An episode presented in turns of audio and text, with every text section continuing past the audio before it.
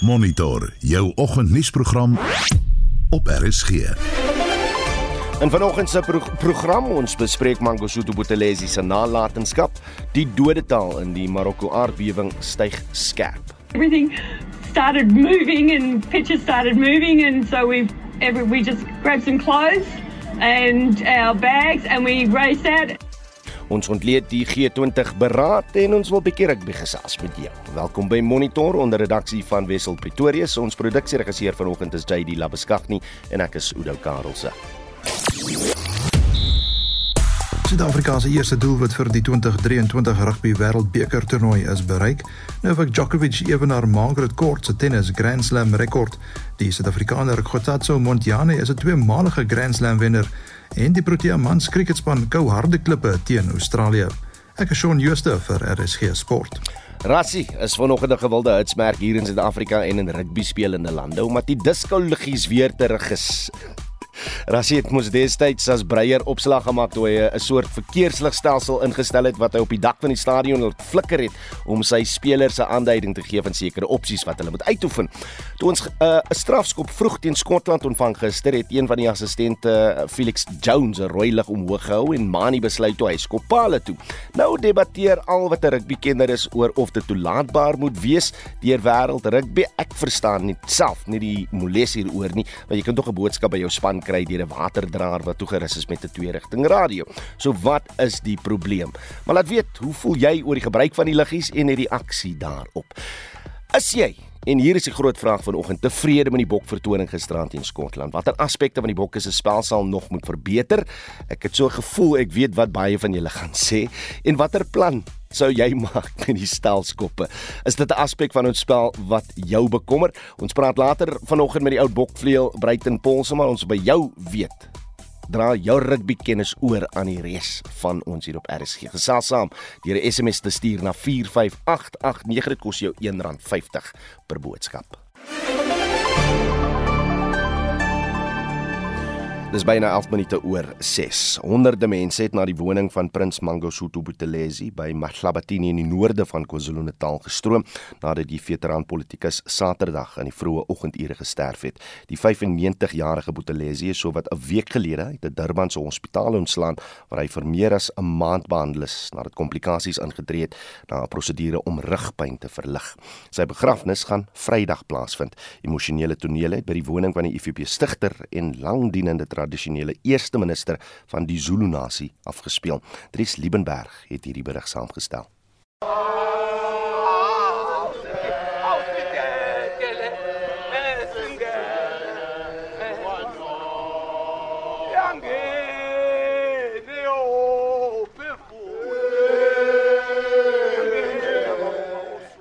Lede van Zulu regimente het tradisionele liedere, ook bekend as Amahubo, gesing om hul eer aan Buthelezi te betoon. Hulle het die lijkswa saam met Anglikaanse kerklei vergesel wat die veteraanpolitikus se oorskot in die oggend gaan haal het. Emosionele tonele het buite die woning afgespeel met vroue en mans wat onbedaarlik gehuil het. Van vroegoggend af het lede van die gemeenskap en tradisionele leiers buite die Buthelezi woning saamgedrom. Later het politieke leiers, burgemeesters, sowel as premier Nomusa Dube-Ngube en lede van die provinsiale regering se uitvoerende komitee die familie besoek. Die ANC in die provinsie het in 'n verklaring gesê hulle mandaat aan die premier is dat president Cyril Ramaphosa versoek word dat Buthelezi in 'n amptelike kategorie 1 begrafnis ter ruste gelê word. Die IFP president, Welenkosi Hlabisa, sê die familie moet nog oor die begrafnisreëlings praat. It is very early to release details. I was part of the committee, which is going to be a planning committee, because this is going to be one of the big funerals in terms of the people it will attract. We have uh, set up a committee, and through the parameters of what the committee should start looking at, we are now going to be awaiting for the family Die hoof van die Buthelezi stam, Nkosi Mpikayise Buthelezi, het baie mense se gevoelens verwoord toe hy gesê het hy het gehoop dat die 95-jarige Buthelezi ten volle sou herstel het nadat hy vir meer as 'n maand in die hospitaal was. The family is gathering now to plan in details what's going to be happening going forward. Anybody who knows and has seen how the Zulu nation mourns, it will be no different this morning. This is royalty. And secondly, there is going to be a working together between the family and the government because as a member of parliament, the government is going to be partaking in the planning for the funeral. Zulu koning Misi Zulu Kazwelithini het in 'n verklaring gesê Buthelezi het vir langer as 7 dekades die monargie getrou gedien. Die koning sê Buthelezi se afsterwe sal gevoel word deur almal wat by die veteraanpolitikus geleer het en wie se lewens geraak is deur wat hy vermag het. Hy het ook die tweede dag se verrigtinge van die Rietdans by die Inyokeni Paleis afgestel. Buthelezi is ook onthou as een van die stigters van Suid-Afrika se demokrasie. Die Nelson Mandela Stichting het gesê Buthelezi se nalatenskap is kompleks, so divers as etniese mobilisering vir politieke doeleindes en vredemaker. Die stigting sê Buthelezi en Nelson Mandela het op vele maniere 'n soort versoening vergestaal wat nie vra dat mense moet vergewe of vergeet nie of selfs van mekaar moet hou nie net dat hulle oor die weg moet kom. Op sy beurt het in Induna Bazamiza Zungu die ontslape leier onthou as iemand wat 'n voorstander van onderwys was. The late Prince Buthelezi worked really hard for the people of KwaZulu-Natal and for the community here as he built schools for our children because he saw the struggle we faced of not getting any formal education and the only choice we had was to herd cattle.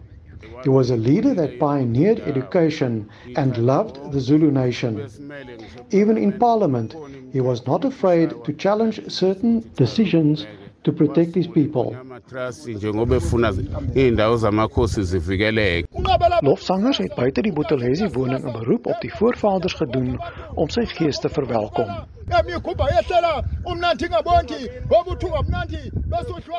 Ek is Dries Liebenberg in Durban. Politieke partye het ook hul meegevoel uitgespreek na die dood van die voormalige IFP leier, Celine Merrington berig. Politici het almal uit een boek gelees. Buthelezi was 'n saggesproke persoon, maar hy het respek by almal afgedwing. Spreker van die nasionale vergadering, Nosiviwe Mapisa Ngakula, sê sy bydraes in die parlement was merkwaardig. His presence was a sort of wisdom that consistently guided our work in Parliament. His unmatched dedication and unparalleled commitment to improving the lives of South Africans set a standard. He possessed a wealth of legislative and political leadership experience. This experience was invaluable as we navigated the complex terrain of building a new democratic South Africa. Haar sentiment was gedeel deur ANC hoofsweep Pemi Majodina. The bells have rang very early in the morning. The lawmaker veteran is no more. Tata Prince Mangosuthu Buthelezi.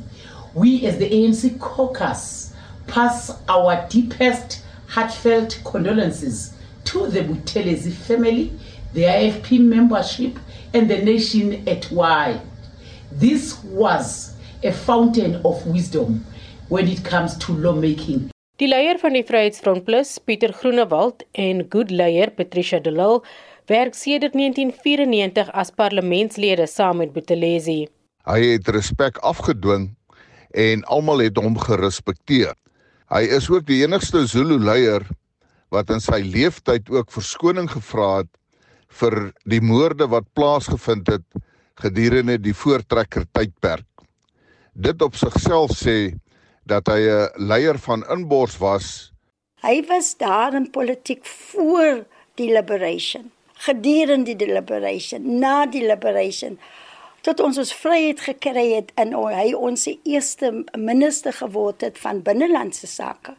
So hy het 'n geskiedenis wat altyd sal uitstaan in die boeke van geskiedenis van ons land.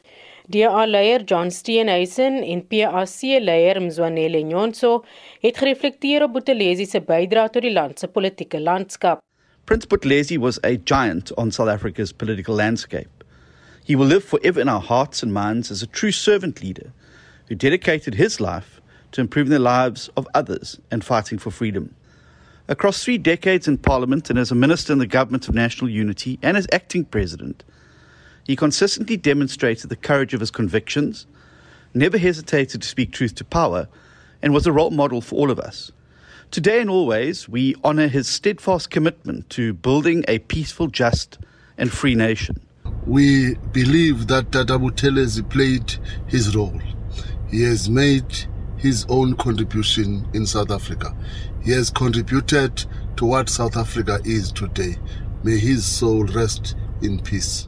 Dit was die PAC-leier Mzwanele Nyonso, Zelin Merrington, Parlement. Ons bly by die storie en praat nou met 'n dosent in praktyk aan die Universiteit van Johannesburg, professor Theo Venter. Theo, goeiemôre. Môre Oudo. Jy het 'n interessante geskiedenis van navorsing werk vir 'n M-graad oor die IFP en sy voormalige leier, eh, Prins Mangosuthu Buthelezi. Hoekom het jy op hom en uh, die IFP uh, P spesifiek gefokus? Daar was 'n periode in Suid-Afrika so rondom 1978 tot so 82 83 waar Boetlesi 'n baie belangrike rol in die Suid-Afrikaanse politiek gespeel het. Hy was nie in die parlement nie. Hy was 'n tuislandleier, maar hy het ehm um, uh voelers uitgesteek na die ANC. Hy het voelers uitgesteek na die regering van die dag en ons as jong akademici en ek as ek nou sê ons mm, mm. dan is ons 'n paar wat eintlik 'n studie gedoen het oor om op dieselfde tyd. Ehm um, myne het begin hier in 1981 met afhandeling in 83 Susan Boysen ook 'n bekende eh, kommentator uh, vandag sin het oor dieselfde periode gestrek destyds aan die ou Randse Afrikaanse Universiteit en dan was daar nog 'n uh, Erik Langer wat ook daaroor geskryf het. So ons het almal op daardie stadium gedink hier kom iemand wat nie uit die ou bedeling kom nie. Hmm. Hy kom ook nie uit die ANC nie. Hy kom hier uit die onverwagte omgewing, naamlik uit die tradisionele Suid-Afrika vanuit 'n tuisland, maar hy wil nie die voordele van die tuisland ehm um, opneem soos wat Lucas van Gophe gedoen het of uh, iemand soos Kaiser Matanzimani. Hy wil hy wil uh, hy wil die ehm um, hy wil KwaZulu-Natal of destyds net KwaZulu wil hy hê, maar hy wil nie onafhanklikheid hê nie. So hy het 'n anomalie geword. Hmm binne in die politiek en ek dink dit is waar ons belangstelling vandaan gekom het. Buthelezi word deur sommiges gesien as een van die politieke leiers wat miskien soos F.W. de Klerk volgehou het. Hulle self het niks om oor jammer te sê nie wat tydens apartheid plaasgevind het was in die konteks van 'n oorlog. Is dit 'n korrekte weerspieëling?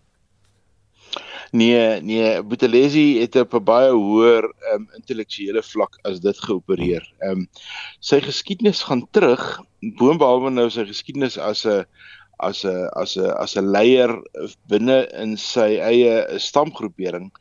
Uh die eerste wat ek kon optel in my navorsing was dat hy in 1958, dink nou mooi terug, 1958, die minister van naturelle sake op daai stadium, dit was die formele titel, was niemand minder nie as HF Verwoerd.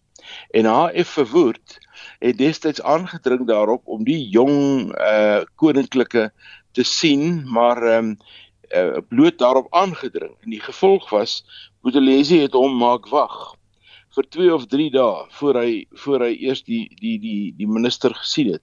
En dit het natuurlik 'n groot wrevel veroorsaak in die nasionale party dat iemand so voor op die wa kon wees om hom te laat wag. Maar hy's nie die enigste politikus wat moes wag nie. Hmm. Ehm um, Rolf Meyer uh vandag 'n uh, 'n uh, 'n uh, uh, ouer staatsman in die geleedere van politici en Neil Barnard moes op 'n stadium ook vir hom wag hier in die 80er jare met die met die periode voor die onderhandelingsproses is hulle af Ulundi toe sonder om 'n behoorlike afspraak te maak en hulle het 'n dag of 2 vir hom moes wag voor hy bereid was om hulle te sien bloot net om te demonstreer dat hy as politikus en hy as um, speler in die politiek kan nie net aanvaar word dat hy gaan dans na jou pype nie. Jy gaan jou storie moet ken met hom. Jy glo jy dat hy direk of indirek vir bloedvergieting verantwoordelik was? Nee, ek dink hy was direk vir bloedvergieting verantwoordelik. Daar was geen twyfel nie dat in die in die latere jare voor 94 was die en dis een van die donker kolle in die geskiedenis van wat vandag die IFP is. Destyds was dit net bekend as Inkatha Yenkululelo Yesizwe. Hmm. Ehm um, uh het uh, met die hulp van die veiligheidspolisie en met die hulp van die veiligheidsmagte in Hebreë ehm um, saamgewerk teen wat gesien is as die ANC se se stryd om om om bevryding die die hele ehm um, opleiding van ehm um, van Inkatha manne wat plaasgevind het op paar plekke in die land en en skouer aan skouer met die veiligheidsmagte gewerk het. Ek het op 'n stadium by een van die IFP se kongresse Hulle het my op 'n stadium nadat ek daaroor begin navorsing doen het, het ek die meeste van hulle kongresse in Ulundi bygewoon. Hmm. My kinders onthou nou nog dat dit was die kleinste holiday in in Suid-Afrika. dit was in dit was dit was in Ulundi. Het ehm um, het ek na Boetelesi toe gegaan en ek het vir hom gesê ehm um, neer jy speel met vuur.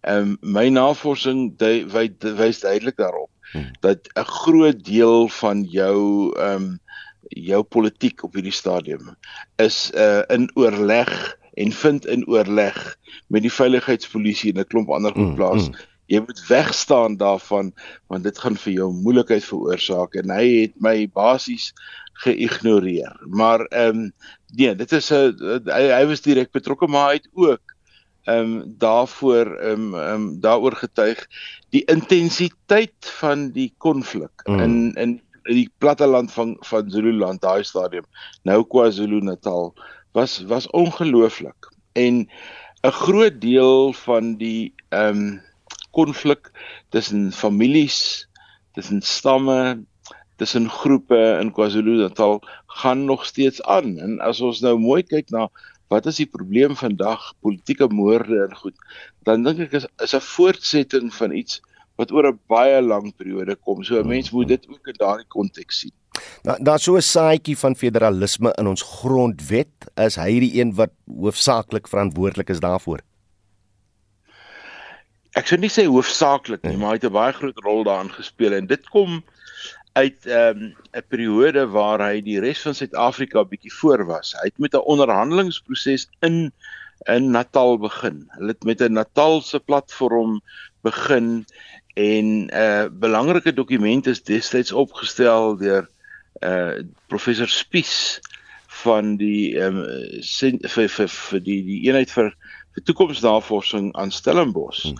oor hoe die onderhandelinge moet plaasvind, wie uitgenooi moet word. Larry Slemmer was daarbey betrokke.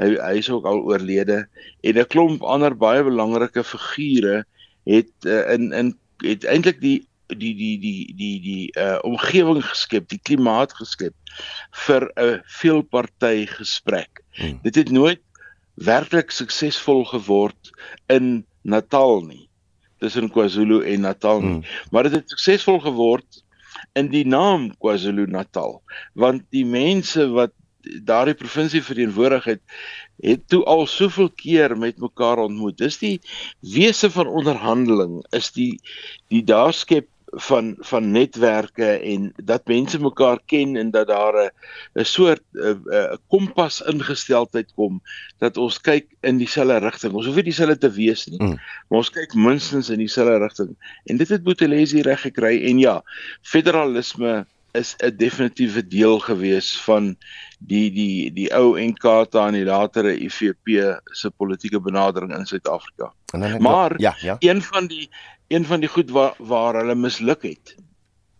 Waar die Weskaap daarin geslaag het om 'n eie grondwet daar te stel sodat die Weskaap se bestuur provinsiale bestuur op 'n ander vlak plaasvind as in die ander 9 provinsies was KwaZulu-Natal op pad soontoe. Maar eers langs die pad het hulle stoom verloor. Anderster was KwaZulu-Natal die tweede provinsie met 'n eie grondwet. Met met so minuut oor in ons gesprek hier, wat is die IFP sonder Mangosuthu Buthelezi? Ek was bevrees met my lang studie en en en dop oor hom. Ek was bevrees met sy uittrede was dit die einde van die IFP omdat hy die IFP was. Hmm. En die IFP was hom. So maar ek dink tog oor tyd het hy daarin geslaag om om wel 'n uh, opvolgingsproses daar te stel en tot my verbasing het die IFP in die laaste verkiesing nog beter gedoen as van tevore. So ek dink daar is lewe en ek wil 'n voorspelling maak dat met die oorlye van van van Boetelesi ons het hom almal geken as Mango Soto Boetelesi mm. maar hy was oorspronklik Gacha Boetelesi mm. waarvan hy niks gehou het in die openbaar nie maar hulle gaan beslis sy erfenis gebruik in die volgende verkiesing. Hoe sê die Engelse mark my words. Hy gaan miskien nie meer hier wees nie, maar hy gaan 'n baie baie sterk rol speel in 2024 om die IFP die politieke energie te gee wat hulle nou nodig het. En dit was uh, dosent in praktyk aan die Universiteit van Johannesburg, professor Theo Venter. Meer as 2100 mense het reeds gesterf en meer as 2400 is beseer na 'n kragtige aardbewing in Marokko se Atlas gebergte. Talle van die beseerdes is in 'n kritieke toestand. Die aardbewe van 6.8 in Noord-Afrika het geboue beskadig en mense uit hulle huise verjaag. Owerhede sê dit is moeilik om die dooies in die bergagtige dele te bereik. Die Verenigde Nasies sê hy is gereed om die die Marokkaanse regering te help te snel. Annelien Moses doen verslag. Groot verwoesting is gesaai. Talle sterftes is aangemeld en huise is platgevee. Daar is egter diegene wat gelukkig is om die aardbewing te oorleef. The room started shaking. There's no other way. We was going backwards and forwards and everything started moving and pictures started moving and so we every we just grabbed some clothes and our bags, and we raced out.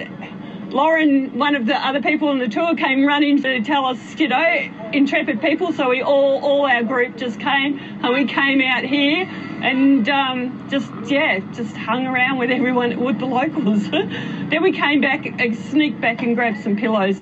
Dit is die land se dodelikste aardbewing in meer as 6 dekades. Vreesbevange mense in Marrakesh het in verskillende rigtings in die puin gehardloop. Die Suid-Afrikaanse regering het ook op die tragedie gereageer. Die adjunk president se woordvoerder, Vukani Mde. On behalf of the government and the people of South Africa, Deputy President Paul Mashatile extends our deepest condolences to the people of the Kingdom of Morocco where a devastating earthquake has claimed the lives of hundreds of people and destroyed homes and infrastructure. The Deputy President would further like to commend the swift and efficient efforts of that country's emergency response institutions and wish them well in their rescue and recovery operations. Intussen het die eerste minister van Indië, Narendra Modi, sy meegevoel betuig. हम सभी की ओर से I would like to express our heartfelt condolences to the people affected by the earthquake that struck Morocco. We pray that all the injured people get well soon. The entire world community is with Morocco in this difficult time, and we are ready to provide them with all possible assistance. Marokkaanse owerhede is besig om vragmotors vol voorraad na die aardbewingsone te stuur. Die verslag is saamgestel deur die Tabat Sotsetsi en ek is Annelien Moses vir SAK nuus. Jy luister na Monitor elke weekoggend tussen 6 en 7. 6:32 in die tweede helfte van ons program ontleed ons die pas afgelope G20 beraad en ons praat met Bruiten Ponse oor gisteraand se bokoorwinning. En nou tyd vir 'n bietjie terugvoer. Ek het vroeër vanoggend gepraat, die hele wêreld praat nou weer vanoggend oor die gebruik deur rassie van sy disco liggies, die verkeersligstelsel wat dan die spelers op die veld presies laat weet wat die afrigspan wil hê hulle moet uitoefen op die veld as dit kom by sekere opsies. Gister het gebeur met Manny Libok toe ons ons eerste strafskop gekry het, toe Felix Jones die hoog eh, lig omhoog hou en toe skop Manny nou paal toe. Hy het baie die bal die, die paal gekry, maar Die hele wêreld praat nou as dit gons oor moet dit toelaatbaar wees of nie. Nou kyk, as ander metodes om wel met die span te kommunikeer, rassie gebruik die ligstelsel nou weer. En dan wil ons ook weet Hoe voel jy oor gisteraand se wedstryd? Uh, Jonathan April en Gouda sê môre Oudo die rooi lig is geen probleem vir my nie. Inteendeel die bokke se geploeter op senter gister was 'n bron van kommer teen Ierland kan dit katastrofies wees sê meneer uh, April in Gouda. Uh môre sê Antoon van der Berg uh, Bok het goed gespeel, moet egter net op sekere tye kalmeer en geduldig wees. Lyk ook 'n uh, bietjie angstig. Waar is ons Springbok treie? ja, kyk, 'n 'n reël ingestel. Mense wat bietjie kleurblind is, sou nou nie uh, gister kon onderskei trek tussen die die blou en die en die groen trui van die Springbok en Skotland nie. En nou speel ons uh, teen hulle en teen Ierland in in ons alternatiewe uh, uh trui. So ja, jy's aan nat natuurlik nou net gewoond moet raak daaraan. Ehm um, skaam dat ons enige enigste wedstryd is wat uh, met bakleierery begin het, uh, het beter van die Springbokke verwag. Eerste helfte was 'n uh, bietjie gechommel en die ligte behoort nie op die wêreldbeker nie, so sê anoniem. Hoe voel jy? Stuur vir ons 'n SMS na 45889 kos jou R1.50 per boodskap.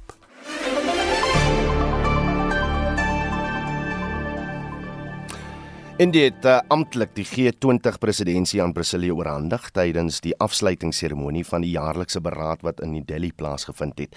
Die Indiese eerste minister Narendra Modi het die eh, presidentskap aan die Brasiliaanse president Lula da Silva oorhandig. Tydens die beraad wat oor 2 uh, dae gestrek het, het deelnemende la lande konsensus bereik oor verskeie kwessies soos uh, voedselsekerheid, klimaatsverandering en globale skuld. Annelien Moses berig. Die leiers het konsensus bereik wat veroorsaak het dat Rusland se inval in Oekraïne nie veroordeel is nie, maar wel daarop aangedring dat state nie geweld gebruik om grondvergrype uit te voer nie. Westerse lande het vroeër versoek dat die Kremlin veroordeel word omdat hy sy buurland ingeval het. Die Indiese minister van buitelandse sake, Subramanyam Jaishankar, everybody came together for the consensus. But I think uh, if I Sherpa would bear me out, I think the emerging markets took a particular lead on this, and you know many of us have a strong history of working together. Bear in mind that actually you have four developing countries in succession as G20 presidency: Indonesia, us, Brazil, and South Africa. Ander sleutelkwessies wat leiers bespreek het, was die aankondiging van 'n multinasjonale spoor- en hawensnetwerk wat die Midde-Ooste en Suid-Asië sal verbind. Dit kom egter op 'n kritieke tydstip vir die Amerikaanse president Joe Biden. As we work to address infrastructure gaps across low middle income countries, we need to maximize the impact of our investments. That's why a few months ago I announced that the United States will work with our partners to invest in economic corridors.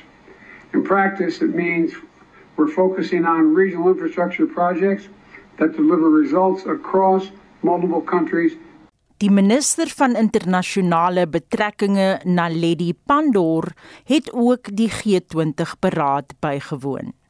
What I think is extremely important um, is you're seeing a very important continuum between the BRICS thematics, the G20 themes as uh, uh, proposed by India, and the focus announced at the close of the summit today by Brazil. So clearly, uh, there are matters uh, that have emerged in all these different fora which require follow through. So, what I'm really glad about is we're not creating new themes all the time, forgetting old decisions and so on. So, the issues of how we respond to climate change, ensuring we secure uh, financing for our responses from uh, developed countries, uh, matters of reform of multilateral institutions. Wêreldleiers het ten spyte van die reën in New Delhi besoek afgelê by 'n gedenkteken van Indië se held Mahatma Gandhi. Suid-Afrika is deur president Cyril Ramaphosa verteenwoordig en Pretoria sal die G20 presidentskap in 2025 oorneem. Die verslag deur die Tabat Sotetsi en ek is Annelien Moses vir SAK nuus. Ons bly by die storie en 'n gesamentlike deklarasie by die afgelope G20 beraad in Indië het Oekraïne warm onder die krag. Die oorloggetuisterde land het sy teleurstelling uitgespreek nadat konsensus bereik is om Rusland nie te veroordeel nie. Vir meer hieroor praat ons nou met Jaco Kleinhans, die hoof van internasionale betrekkinge by die Solidariteit Beweging. Jaco, goeiemôre. Ja, goeiemôre Oudo. Eerstens is daar werklik konsensus oor die uh, netelige kwessies bereik. Ek dink daar's maar in 'n mate 'n soort van konsensus afgedwing wel en mens sien dit met die wyse waarop die Indiese premier Narendra Modi natuurlik hierdie beraad gelei het. Vir Modi was dit persoonlik baie belangrik in aanloop tot volgende jaar se Indiese verkiesing en hy wou natuurlik uh, nie 'n situasie hê soos verlede jaar met die G20 beraad in Indonesië waar die beraad eintlik gedomeineer is deur die verdeeldheid nie. So hy het wel 'n uh, 'n uh, gesamentlike verklaring uh, kon onderhandel tussen die verskillende lande, maar soos jy gesê het met 'n uh, definitief 'n sagter taal uh, oor die oorlog in Oekraïne. Ek dink dit wys ook vir ons na die soort van leierskap wat tans uit die westerse wêreld kom.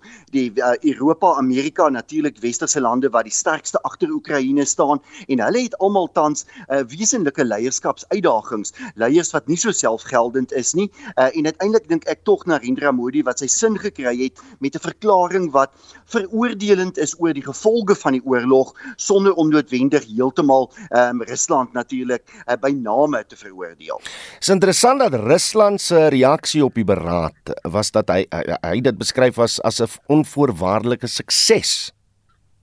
Ja, uh, baie interessant. Ek dink daar's 'n paar redes daarvoor en dit is eintlik dikwels vir dit wat nie by so 'n beraad gesê word nie. Hmm. Ehm um, wat het afgespeel by hierdie beraad? Baie duidelik 'n uh, herskikking van globale magsverhoudinge. Ehm um, soos ek gesê het, ons sien 'n uh, uiters verswakte weste. Uh, Joe Biden is ongewild, Rishi Sunak in Brittanje is ongewild, die Duitse kanselier Olaf Scholz, Emmanuel Macron van Frankryk, al die groot westerse lande sit met ongewilde leiers wat tans werklik waar nie 'n soort van visie toon en en sterk na vore tree nie. Die Russe hou baie daarvan. Aan die ander kant sien jy Indië wat baie sterk na vore tree. Ja, Indië wat ek dink 'n bietjie anders as vorige jare met die met die G20 beraad eintlik baie selfgeldend was wat werklik waar Indië um, as 'n toekomstige wêreldmag uh, tentoon gestel het. Hmm. Die Russe hou daarvan omdat dit vir die Russe 'n uh, 'n uh, omgewing skep waar binne hulle handel kan dryf. Hulle handel met met Indië het byna verdubbel sedert die uitbreek van die oorlog, Russiese uitvoere. So Rusland sal tevrede wees terwyl hierdie um, historiese magsverhouding dinge verander. Jy sien ook die invloed van byvoorbeeld die Midde-Ooste en Afrika wat toeneem het. Die besluit uh, ook die naweek dat die Afrika Unie nou as 'n permanente lid van die G20 sal dien. En dit alles dink ek is vir Rusland in binne die huidige konteks van 'n geïsoleerde Rusland heeltemal goed. Waar laat dit Oekraïne wat uh, die weste nog nodig het vir militêre uh, wapentuig? Ja, ek dink dit is dis is dis 'n uitdaging Oudo. Ek dink as 'n mens die naweek se beraad dopgehou het en jy het gekyk na die taal uh, wat gepraat word deur baie van hierdie leiers, so ek sê is daar 'n so tamheid oor die oorlog. Uh daar's met ander woorde baie gepraat oor die uitdagings met voedseluitvoere, graanuitvoere uit Oekraïne, um, en dat dit probleme skep in baie Afrika lande en in die Midde-Ooste wat baie afhanklik is uh, van graan uit Oekraïne. Uh, hierdie konteks is bespreek. Daar's wel 'n uh, tamheid wat intree by die vraag hoe lank gaan hierdie oorlog nog aanhou? Hoe lank gaan ons nog Oekraïne moet ondersteun? En jy sien dit nie net by die leiers nie, jy begin dit sien in uh, westerse lande ook, die lande wat die meeste wapens gee vir Oekraïne. Die peilings wat byvoorbeeld in die FSA duidelik wys dat 'n groter wordende deel van die Amerikaanse bevolking uh, skepties hmm. oor hierdie volgehoue ondersteuning en en die mense iets daarvan ook by hierdie beraad gesien. Met ander woorde, 'n uh, 'n uh, uh, uh, uh, Indië wat die beraad aangebied het wat nie wou gehad het dat die oorlog um, in die sentrum van die beraad moes staan en eintlik die beraad moes domineer nie. Dit dis duidelik hoekom president Vladimir Putin die die beraad bygewoon het nie, maar hoekom dink jy het die Chinese president ook in sy afwesigheid geskitter? Ja, interessant. Ek dink die uh, die motief uh, vir president Xi Jinping se besluit om nie die beraad by te woon nie, was dat hy eenvoudig net nie um, in die skadu uh, weer van Indië se Narendra Modi wou staan nie. Hy wou nie 'n beraad bywoon waar Modi die die fokuspunt is nie. Um, uh, ek dink 'n mens sou kon sê dat dit 'n fout was van die Chinese president, wat uiteindelik is daar wel 'n uh, hele klomp besluite by hierdie G20 beraad geneem, belangrike besluite. Daar is heelwat punte konsensus eintlik wel oor oor uitgespreek. Um, en en 'n mens kan, kan sê in 'n sin is daar ook oor sekere kwessies vorentoe gegaan en dit is gedoen sonder uh die Chinese president en dit in 'n 'n week of twee in 'n periode waar daar eintlik 'n 'n oormaat in nuus was, uh, negatiewe ekonomiese nuus uit China. Daar's eintlik heelwat kommer oor uh byvoorbeeld die laer produksie in China, die laer vraag na Chinese produkte, die krisis in die Chinese eiendomsmark en China wat dus uh, eintlik deur sommige van hierdie wêreldleiers, ek dink toe maar aan Joe Biden, die Amerikaanse president self, hierdie naweek beskou is as 'n land wat nie meer so sterk na vore tree om om om die volgende wêreldmag te word nie. So ek sou sê wel terugskouend was Xi Jinping in China een van die verloorders van hierdie naweek se G20 beraad. En dit was die hoof van internasionale betrekkinge by die Solidariteit beweging, Jaco Kleinhans. Migrasie, swart ekonomiese bemagtiging en energiesekerheid vir Suid-Afrika is hoog op die agenda van Action SA se eerste beleidskonferensie die week. Die konferensie is 'n mylpaal vir die party wat 3 jaar gelede gestig is. Verskeie belanghebbendes sal die konferensie bywoon en samesprekings voer oor 11 beleidsvoorstelle. Esie de Klerk doen verslag. Action SA sê sy beleidskonferensie wat deur 600 afgevaardigdes bygewoon sal word, is ter voorbereiding van die algemene verkiesing volgende jaar. Een van die 11 beleidsvoorstelle fokus op hoe om energiesekerheid in die land te bewerkstellig. Action SA meen die kragkrisis kan slegs opgelos word deur onafhanklike kragprodusente. Die party het die regering se belofte dat beurtkrag beëindig sal word as 'n verkiesingsfoefie afgemaak. Die hoofstrateeg, Andrei Kotse, het by 'n media-konferensie voor die konferensie gesê onafhanklikheid van Eskom is belangrik. The only real solution to the energy crisis is to make sure that we have a decentralized market. And when I talk about a decentralized market, it means breaking the reliance on ESCOM and making it easier for independent power producers and microgrids to be established so that ultimately the burden on the demand of ESCOM is decreased and that they are able to supply people, businesses that do not have the funding to go off grid. Die party se nasionale voorsitter, Michael Beaumont, sê nog 'n belangrike beleidsvoorstel sal fokus op migrasie-uitdagings. Nothing that we propose in terms of reforming illegal immigration is in conflict with the Constitution because the very first principle of a nation state starts with the border and starts with the idea that a country has not just the right but the obligation to determine the flow of people and goods across the border and under what conditions. Action SA is very sensitive to the fact that we can never have a situation where immigrants are scapegoated for the failures of government. The failures in, in terms of illegal immigration belong at the door of government and nobody else.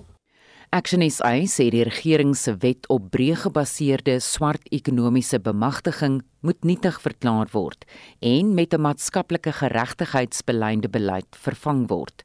Hierdie se party se hoofbestuursdirekteur Dr Nasipi Moya. There is a recognition that in the implementation of this act since the amendment in 2003 it has produced very few billionaires and the levels of inequalities poverty unemployment has gone up which means the desired outcomes that the policy is talking about it's failing to achieve those. And from there we know that the people who have benefited from that act are people who are connected to the elite. In fact it's leaving the majority of south africans on the outside. Die konferensie word van Dinsdag tot Donderdag gehou. Die verslag is saamgestel deur Zoleka Kodashi. Ek is Estie de Klerk vir SAK nuus. Hierdie sportbulletin word met trots aan jou gebring deur SABC Sport. Die amptelike radio-uitsaaier van die Rugby Wêreldbeker Frankryk 2023. Reg my hartjie sing want die Rugby Wêreldbeker is nou amptelik in volle swang. Ons praat nou met Shaun Jooste oor eerste naweek se wedstryde. Shaun, goeiemôre. Ja, goeiemôre Oudo. Reg, ons gaan binnekort met uh die ou bok uh, Springbok vleuel Bruiten Pols 'n bietjie gesels oor gister se oorwinning deur die Springbokke oor Skotland, maar draf gou 'n bietjie deur uh van die eerste ronde wedstryde wat nou hierdie naweek plaasgevind het. Nou die Bokke het natuurlik hulle veldtog begin met 'n 18-3 oorwinning teen die Skotte. Pieter Steff het toe en Kurtley Arends het die Bokke se drie gedruk en ons wag nou net om te hoor hoe ernstig Eben Etzebeth se skouerbesering is. Die Bokke speel Sondag teen Roemenië. Walle CV natuurlik 32-26 teen Fiji en Japan het Chili met 42-12 getroof. Dan Saterdag het, Eng het, het Engeland met 14 man Argentinië met 27-10 geklop. Australië het Georgië met 35-15 verslaan Ierland het Roemenië met 82-8 en Italië het Namibië met 52-8 afgeronsel. Reg, 24 Grand Slam titels is Novak Djokovic nou die beste tennisspeler ooit. Oor ek dink of of of jy nou van hom hou of nie, ek dink nie dit kan meer betwyfel word nie. En ek het net so snaakse gevoel dat hy nog nie klaar is nie. Hy die nommer 3 Daniel Medvedev van Rusland in die eindstryd met uh, 6-3, 7-6 en 6-3 getroof en Djokovic weer terug as die wêreldnommer 1 ewenaar nou maak rekord se rekord van 24 Grand Slams. Hy is ook die oudste Amerikaanse ope wenner en die eerste om 3 Grand Slams in 'n enkele jaar vir die 4de keer te wen.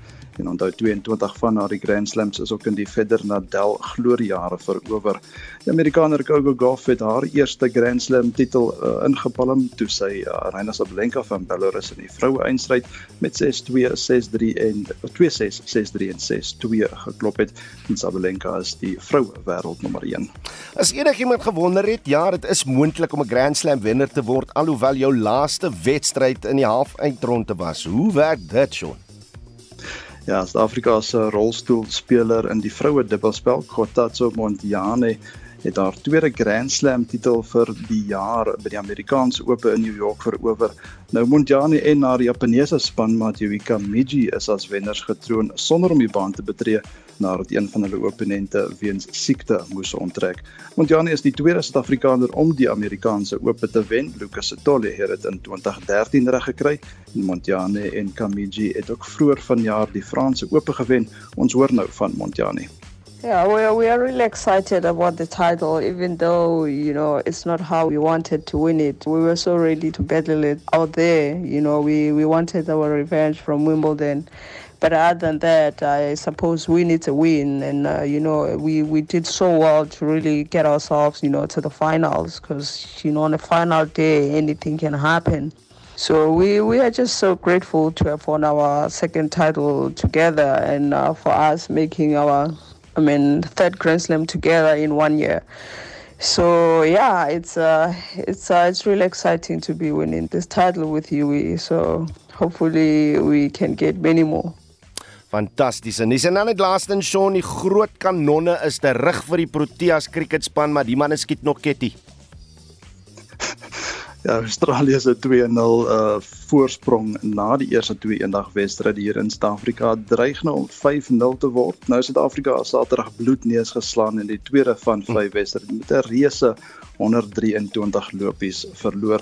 Nou wat vir my kommerwekkend is is die feit dat Suid-Afrika nie die volle 50 balbeurte in die tweede wedstryde kon benut nie.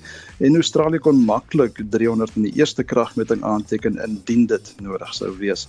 Ja, die derde wedstryd vind môre in Potchefstroom plaas en dan het vinnig in vroue cricket sê Pakistan en Suid-Afrika mekaar vanmiddag die stryd aan. Dis in die tweede van 3 eendag wedstryde. Die Proteas het die T20 reeks 3-0 verloor maar loop 1-0 voor na 'n uitstekende oorwinning van 127 lopies in die eerste wedstryd.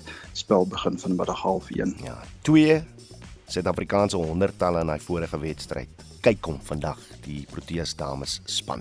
Nou hierdie rugby wêreldbeker gaan ek my besigheid maak om spesifiek te kyk na die buitelandse media se beriggewing oor die wêreldkampioenspan die Springbokke se vordering by die toernooi. Omrede uh, ons as Suid-Afrikaners is dalk bietjie te na in die span om partykeer objektief te wees oor sekere aspekte van spel of oomblikke van kontroversie.